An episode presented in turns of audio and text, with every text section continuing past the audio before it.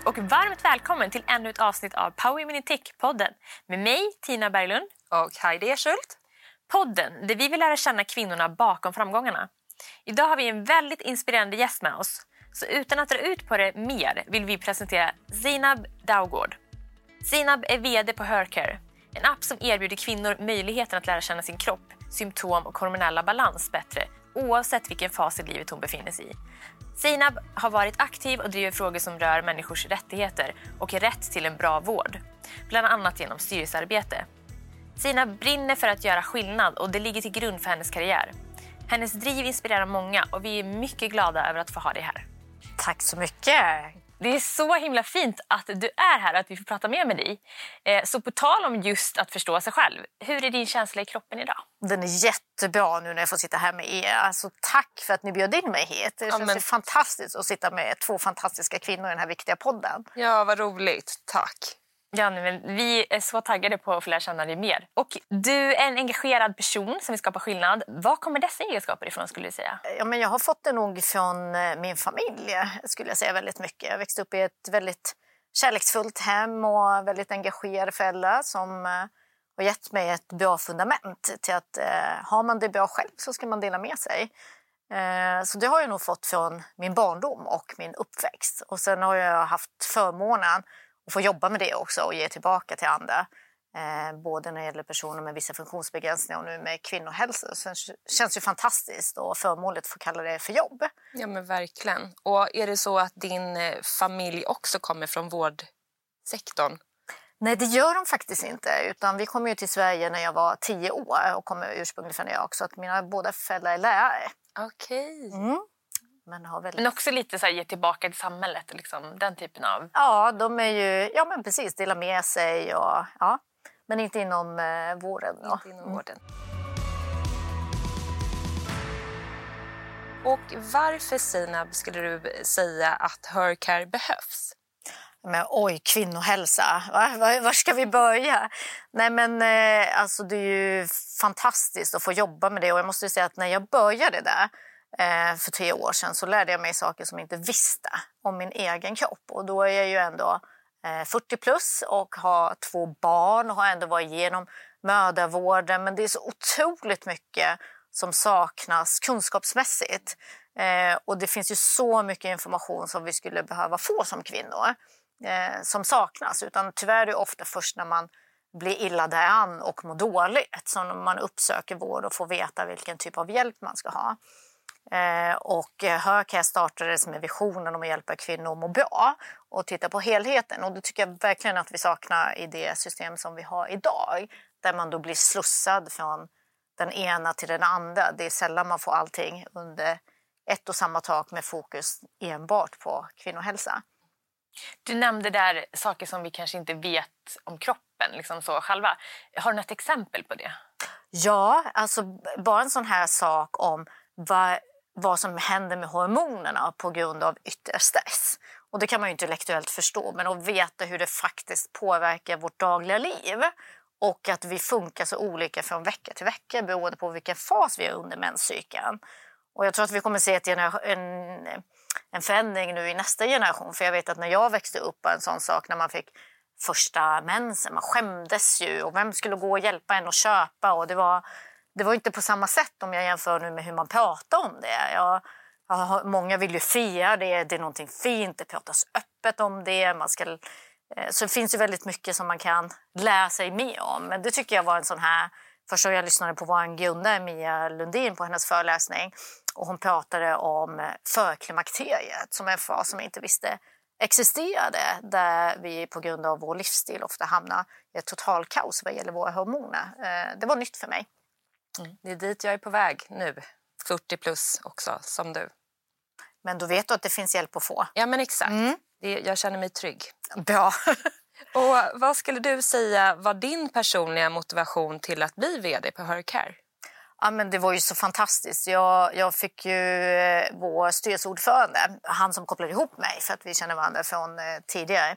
Eh, och när jag fick frågan då om jag ska jobba med kvinnor för kvinnor, det var ju bara förmån. Det var ju otroligt att man får kalla en sån sak som sitt jobb. Eh, så det var ett väldigt lätt beslut att hoppa på det och få vara delaktig och hjälpa kvinnor till ett bättre välmående. Och hur känns det att skapa något som gör så otroligt stor skillnad för kvinnors hälsa?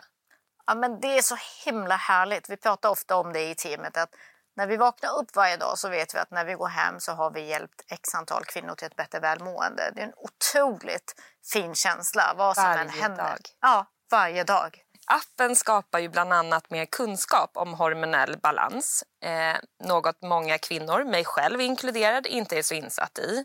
Vad önskar du att kvinnor visste mer om sin kropp?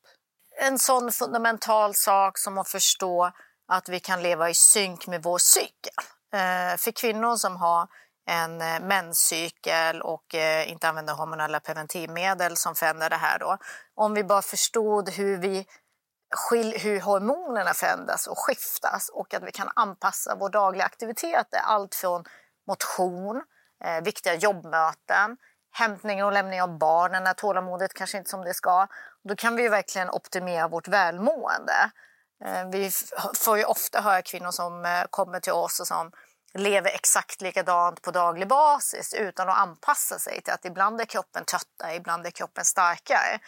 Ehm, så det, det, skulle jag jättegärna vilja få ut med och det är det vi gör i appen också, att man kan eh, logga sina symptom och förstå om de är cykliska eller inte. Och få den här förutsägbarheten att nästa vecka kommer du komma in i den här fasen och baserat på ditt tidigare mående så kan du förvänta dig det här och det här. Bara en sån liksom maktfaktor. Då kan jag planera mitt liv efter det tillsammans med min familj och Eh, mitt sociala umgänge. Det är kanske inte bästa tillfället att ta det där superviktiga jobbmötet just den dagen då man känner sig lite gråtmild. Bara en sån sak. Eh, jag inser ju att det här är en app för mig. För att Jag går igenom varenda månad har den här uppenbarelse-moment och bara så här, varför mår jag dåligt? Varför är jag inte peppad? Och sen så bara, det är PMS varenda gång. Det är, liksom aldrig, det är som att jag inte kopplar förrän liksom, det är uppenbart att så här, jaha, okej. Eh, så att eh, ja. ja. många av oss har ju liksom inte koll på, på kroppen och Nej. hormonbalansen. Nej, men så Och får du då den här känslan att när mensen kommer Aha. det, Eller hur? det är alltid det. Man bara, ja, just jaha, jag ska inte se upp mig, jag ska inte se upp kontakten med alla jag känner, jag är okej. Alltså, du vet, så här, ja, det är som man kommer på de där grejerna. Exakt, bara behåller partnern tre ja. veckor till och så får man utvärdera igen. Ja, ja men exakt.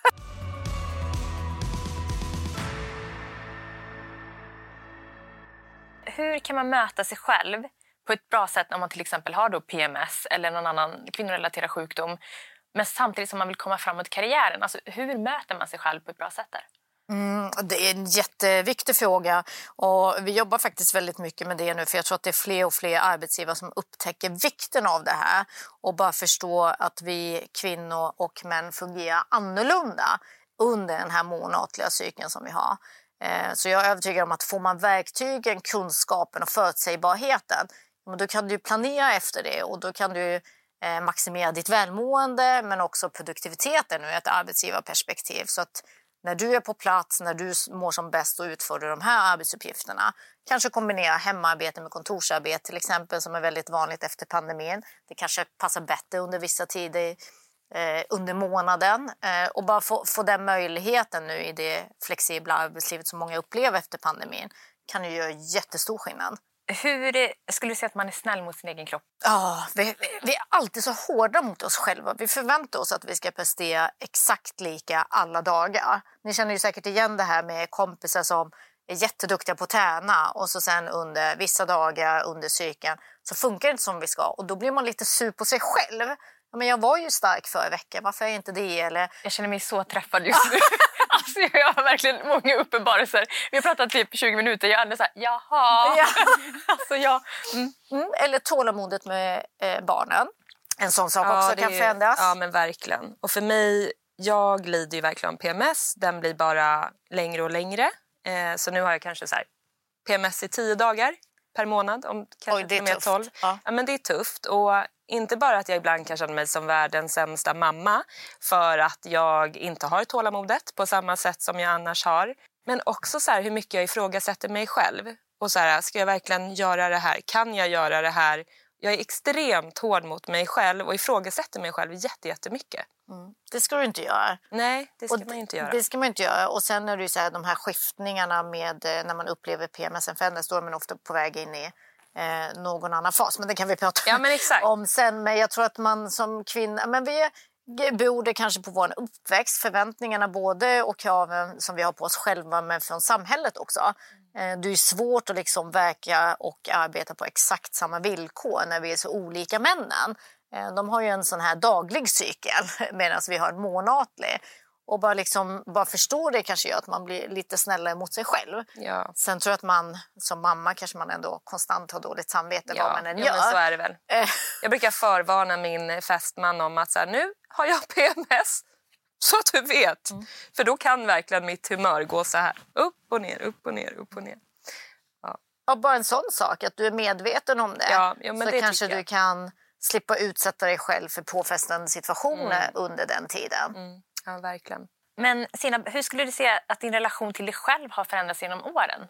Jag tänker att det händer ju rätt mycket eh, i livet. Eh, man får ju andra prioriteringar och eh, nej men, vad ska man säga, man bryr sig mindre om vad andra tycker. Kan man säga så? Det känner ni säkert igen. Ja, men absolut. Eh, och man är mer mån om att vara hållbar och må bra på riktigt jämfört med när man var mycket, mycket yngre eh, och liksom gjorde saker av kanske en annan anledning. Nu är man mån om att må bra, hålla, kunna bidra med saker. Men man får en annan eh, prioritering skulle jag säga. Och självinsikten hoppas jag blir bättre och bättre med åren. Mm. Och Vad skulle du säga är den viktigaste lärdomen som du skulle vilja förmedla till din dotter eh, som hon bär med sig liksom, i livet framåt? Jag, jag skulle säga, um, om jag får bara... Eh, min barndom så kommer jag ihåg att vi, var, vi är flyktingar, så vi kom till Sverige när jag var tio år. Men jag har väldigt starka minnen från att under den här svåra tiden på flykt så var mina föräldrar alltid måna om att dela med sig av det man hade. Eh, och det tycker jag är så fint och det har verkligen präglat min personlighet. Eh, så det medskick jag vill ge henne det är att följa sitt hjärta och dela med sig. Att har du det, mår du bra och har någonting så kan du alltid ge till någon annan också. Mm, fint. Jag hoppas att hon får med sig det. Ja, du får den säkert med dig som mamma. Ja, ja men verkligen. verkligen.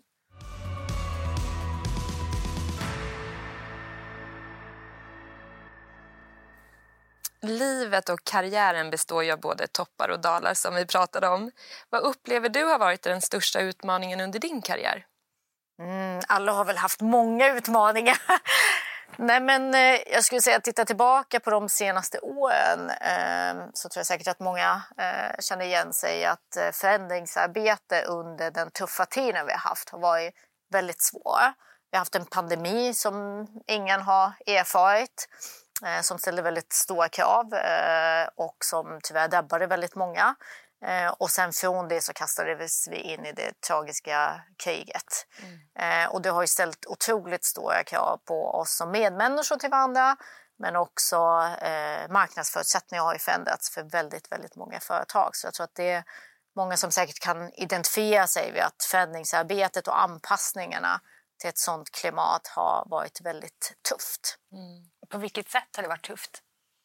Eh, när vi har det vi jobbar med, när vi vet att det finns ett otroligt stort behov och en stor efterfrågan men till exempel under pandemin så begränsade initialt folks möjligheter till kommunikationer. Tack och lov är vi ju digitala så att det kunde hjälpa men eh, ekonomiska förutsättningar för många, oro, sjukdomar. Det, ju, det, har ju inneburit begränsningar på flera olika plan, både för individer, familjer och eh, företaget i stort.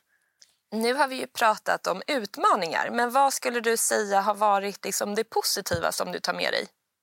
Ja, men jag har haft förmånen att alltid jobba med någonting som betyder någonting och som gör skillnad.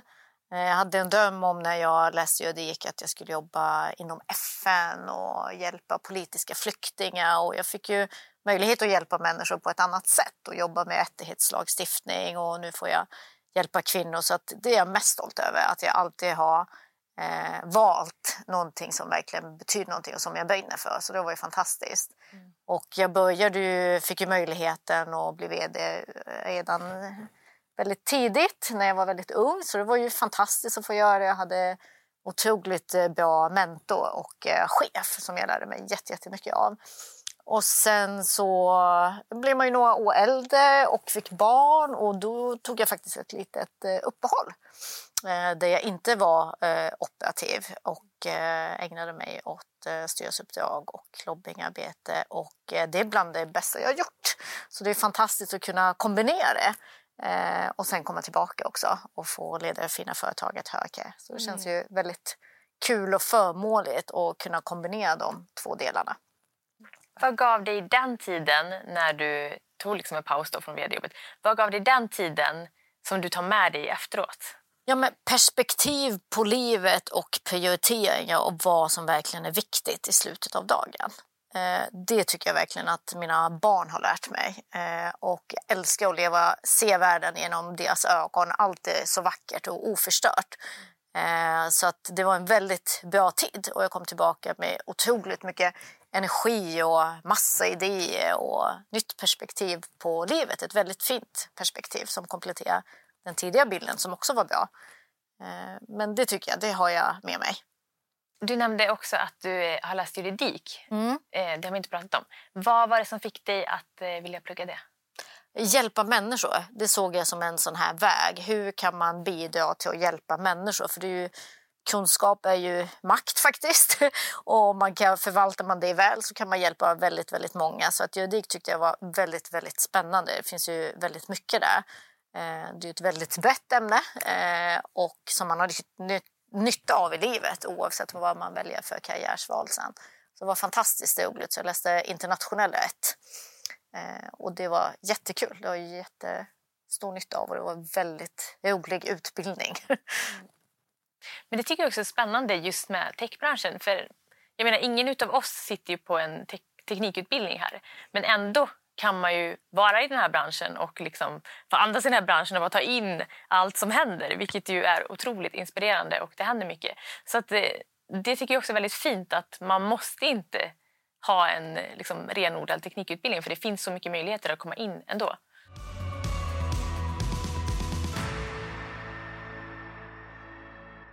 Vi går tillbaka till karriären.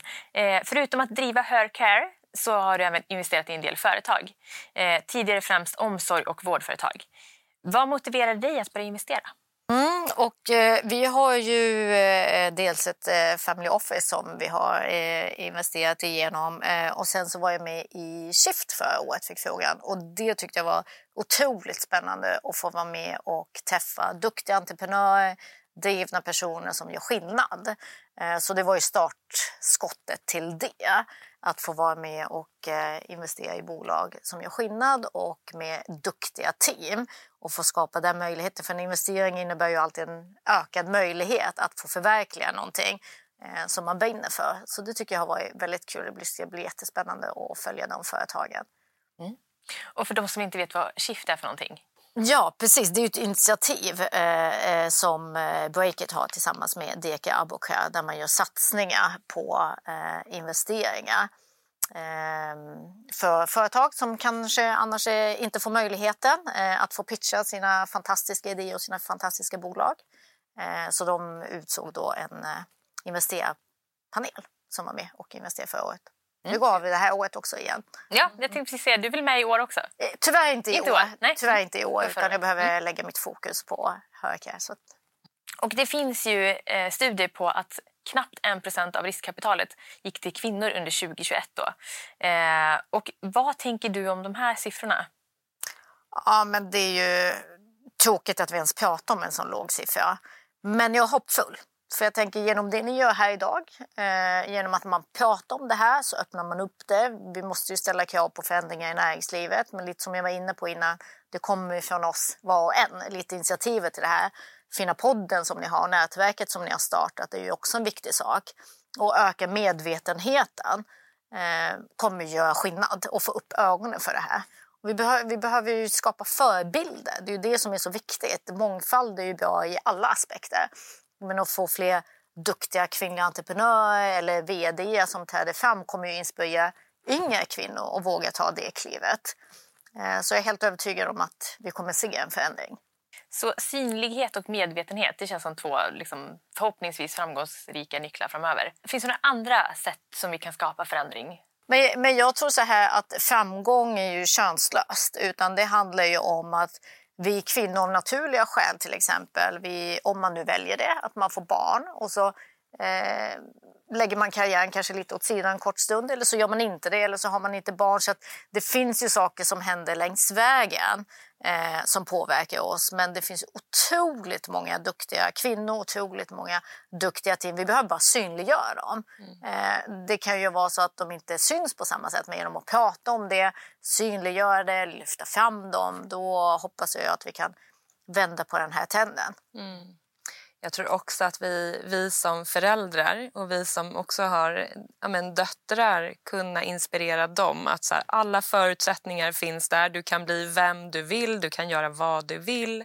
Sätta liksom grunden redan när de är unga. Eh, det är någonting som jag har tagit med mig av ja men, kvinnor som vi också har träffat inom Power Women in Tech. Där en verkligen så här, brinner för att skapa en plats för sitt barn där det all, ingenting är omöjligt.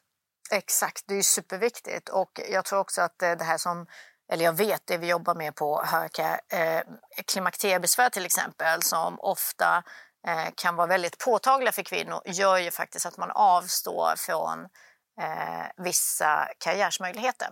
Får vi kontroll på de sakerna, då skulle vi också kunna se en förändring där man orkar helt enkelt inte. Eh, man kanske vill, möjligheten finns där, men man kan inte för att man är inte liksom förmögen att ta sig igenom det på grund av olika symptom som begränsar en. Ehm, så det finns ju mycket att göra där också. Ökar man förståelsen där för hur vi kvinnor fungerar, vilka övergångsåldern, vilka faser vi går igenom. Det kan ju också öppna upp möjligheten att vi får göra det utifrån våra förutsättningar. För kompetensen finns ju. Mm, vi behöver prata mer om det och öppet om det. Mm. Varför skulle du säga att det är viktigt att vi får in fler kvinnliga ledda och ägda företag? Men det är, mångfald är viktigt, alltid. eh, och eh, jag tycker det är viktigt med förebilder. Eh, det är lite som du var inne på, Heidi, också med våra döttrar och kommande generationer. Ser de att det är fler kvinnoledda företag så blir man ju inspirerad, motiverad. Eh, så av den aspekten är det också väldigt, väldigt viktigt. Eh, och mångfalden som jag var inne på initialt, det är ju det är alltid bra.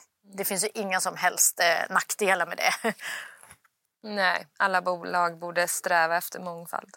Ja, och tittar vi specifikt på till exempel femtechbolag eh, då är det ju en otrolig fördel att vara kvinna. För då vet du ju också, du kan produkten, du vet precis vad det är som utvecklas. Eh, jobbar du på eh, tjänstebolag som är specifikt för kvinnor, då kan du det också. Så det har ju sina fördelar på det sättet, att du kan identifiera dig med din målgrupp på ett helt annat sätt. Vi ser bara möjligheter. Absolut, absolut. Vi har ju pratat mycket om kvinnohälsa, men vi är även intresserade av techperspektivet i och med att ni är en app för kvinnor och av kvinnor. Hur ser det ut på Hercare? Söker sig kvinnor till er? Mm. Eller hur ser er arbetsplats ut? Ja, eh, tänker du vi som jobbar på företaget? Ja, men exakt. Ja, vi är ju många kvinnor. Det känns ju alldeles fantastiskt att jobba med kvinnor. Eh, det gör det verkligen. Och, och, det känns ju jätte, jättekul att man vill komma och bli en del av oss. Och jag har faktiskt fått personligen eh, flera hejarop från kvinnor eh, som gärna vill ha det jobbet också. Ja, roligt, Så det är, jätte, det är ju finaste betyget. Mm. Och eh, appen är ju byggd baserat, teknologin i appen är byggd på den vårdkedja eh, som vi har i den digifysiska vården. Så att vi har byggt in råd och rekommendationer algoritmbaserat, individuellt, allt för att hjälpa kvinnorna utifrån de, den platsen de vill. Mm. För pratar vi om jämlikhet också så finns det olika förutsättningar om man befinner sig i storstan eller i glesbygden. Men med teknologi så kan det faktiskt nå ut till kvinnor i hela landet. Vi pratade ju lite om att ni har mycket kvinnor som jobbar på Hercare. Vad gör ni för annorlunda till skillnad från resten av techbranschen? Mm, ja, men eh, det är en bra fråga. Eh, vi kombinerar ju fysisk vård med eh, teknologin. Så det vi gör då är att vi började ju med ett fint vårdbolag, en klinik och digifysisk vård och så har vi kopplat på det eh, appen där vi erbjuder algoritmbaserade råd och rekommendationer, förutsägbarhet, symptomspårning och nu, nu jobbar vi med nya funktioner. Så den kombinationen är unik. Det innebär ju då att vi kan hjälpa kvinnor som inte behöver hela vårdkedjan men även de som behöver vården. Mm. Mm. Och nu är ni ändå inne på tech som vi ju tycker är så himla kul och spännande. Eh, om du blickar framåt i framtiden, mm. eh, var tror, vad tror du kommer hända? Vad kan vi vänta oss? Och jag tror att vi kommer vänta oss jättemycket spännande saker under kommande år. Det finns innovationskraften otroligt stark i Sverige och vi har jättemånga duktiga personer. Eh, så det kommer hända massor. Eh, svårt att förutspå i framtiden. Eh, men jag är övertygad om att man kommer jobba väldigt mycket med innovativa lösningar för självmonitorering av hälsan i hemmet. Och green tech är också på framåtmarsch. Så jag tror att vi kommer se väldigt mycket av det här under kommande år. Det ser vi fram emot. Det ska bli spännande. Mm, verkligen. Och nu har vi ju kommit fram till den punkten som vi kallar för fyra snabba. Och här Oj. är ju jättespännande att höra. Eh, vilken är den första appen som du öppnar på morgonen? Hörcare för att logga symptom. Ah, det, ah, det är så. okay, om du inte får välja Hörcare? Eh, den är ju svar på vilka app jag inte kan vara utan. Ja. ja den, det är ju ett nödvändigt ont, skolans app. Ja. ja. Är du också en, någon som sitter och svär över den eller gillar du den? Det känns ju som att folk brukar ha lite... Ska jag vara ärlig, svär lite över den. eh, nej, men om jag omformulerar, första appen jag öppnar på morgonen, mm. Höke, eh, appen jag inte kan vara utan är skolans app för det är vår liksom, kommunikationskanal till skolan så den använder vi på daglig basis. Ja, mm. och nu kommer en tredje då. Hur mycket skärmtid har du om du ska vara ärlig? Pass. Men jag, alldeles för mycket? Ja, jag, jag, ägnar väldigt mycket tid åt att kommentera mina barns skärmtid. För de har otroligt, eh, de har minst av alla i hela världen som de säger. eh, så att jag är väldigt restriktiv när det gäller deras skärmtid. Men eh, jag behöver ju, skärmtid är ju mitt jobb. Mm. Eh, så att, eh, så du har en anledning? Jag har en anledning. Så när du sitter och är inne på Instagram så det använder jag väldigt jobbar. sällan. Ah, okay. Det använder jag väldigt sällan. Så ah. att, eh, skärmtid utanför jobb är väldigt begränsad. Ja. Mm. Okay. Du ställer upp då kanske? Du tar deras skärmtid till dig själv? ja, nej men, eh, skärmtid utanför arbete är väldigt begränsad. Mm. Um, och vi har väldigt strikta förhållningsregler hemma. Mm. Uh, det tycker jag är sunt. Vi är uppvuxna i en annan tid. Vi är ju uh, uppvuxna när skärm inte existerade under den tiden i barndomen som mina barn är i nu, i den åldern. Eh, så att jag är väldigt, väldigt mån om den sociala interaktionen som inte mm. innefattar eh, en smartphone. ja, exempel. men så sant. Jag menar, om jag tittar tillbaka på när jag var liten. Det värsta som kunde hända var ju att du fick utegångsförbud. Det var ju inte att du inte fick ha din iPad eller din mobil utan det var att du fick inte gå ut och leka. Mm. Så att vi kanske ska vända på det igen Exakt. och att barnen istället ska säga jag vill ut och leka, jag vill träffa mina kompisar. Inte ja. börja gråta för att man inte får använda iPaden. Exakt. Men är det inte lite så nu att om man säger då får du inte gå ut och leka så hånskrattar de och går in på sitt rum för då får de ju vara hemma eller hur funkar det? Ja, yes. Har du ja, testat har det? De, ja, nej, men de är, fortfarande, de är fortfarande så små. Ja, de är så... men men äh, det är ett väldigt stort samtalsämne ska jag mm. säga mm. när det kommer till att använda eh, både mobil och eh, iPad. Ja, och samtidigt får man ju också respektera det är liksom, eh, den generationen. Det är ju deras sätt att Det är en fin balansgång. Eh, för att jag, hade min, jag fick min första telefon när jag var 17 år. Ni vet de här stora tegelstenstelefonerna. Det var min första. Eh, och då kommunicerade man inte på det sättet. Man hade ju inte ens eh, möjlighet att skicka ett sms till sin kompis för att det var så dyrt. Eh, men nu, nu är det ju liksom, det är deras kommunikationsvägar. Eh, och för många av oss också vuxna, du läser ju mm. eh, nyheterna i telefonen eller på plattan till ja. exempel. Så det är ju liksom ett... Eh... Det är ju ett litet universum. Ja, men ja. verkligen det är ju det. Att min lilla fyraåring sitter och tittar, när hon ska titta på någonting så är det Youtube. Ja. Och det är ju ganska nytt för oss mm. att man tittar på Youtube och inte kanske Netflix eller något annat. En app som du vill tipsa om? Ja, jag använder ju väldigt mycket eh, Storytel. Mm. och lyssnar på eh, böcker när jag kör bil till exempel. Eller tycker jag är fantastiskt att man kan göra det så att man får avnjuta duktiga uppläsare och bra böcker när man gör någonting annat. Bra tips. Nu har vi faktiskt kommit till vår sista fråga. Det känns helt galet för det går så himla fort här att sitta och prata med dig. Det är också en av våra favoritfrågor. Eh, nämn en powerkvinna i techbranschen som du inspireras av och vill hylla. Det finns otroligt många duktiga kvinnor i techbranschen. Jag skulle hellre vilja ta tillfället i akt och hylla alla kvinnor och deras team. Bredvid varje framgångsrik kvinna så står det ett team av andra fantastiska kvinnor. Så jag skulle helst vilja hylla alla kvinnor och teamen som står bredvid dem. Fint och bra. Det är fint. Vi är så himla glada för att du ville komma hit Seinab och dela med dig av dina erfarenheter. Och till dig som har lyssnat på dagens avsnitt, tack för att du har hängt med. Vi hoppas att samtalet har gett dig lika mycket som för oss. Kom ihåg att prenumerera på podden om ni inte redan gör det och bli medlem i vårt nätverk Power Women in Tech på LinkedIn. Den här podden är producerad av fintechbolaget Nordnet. Jag heter Heidi Erschult. Och jag heter Tina Berglund. Ta hand om dig och kom ihåg, fortsätt att drömma, våga och realisera. Vi hörs snart igen. Hej hej!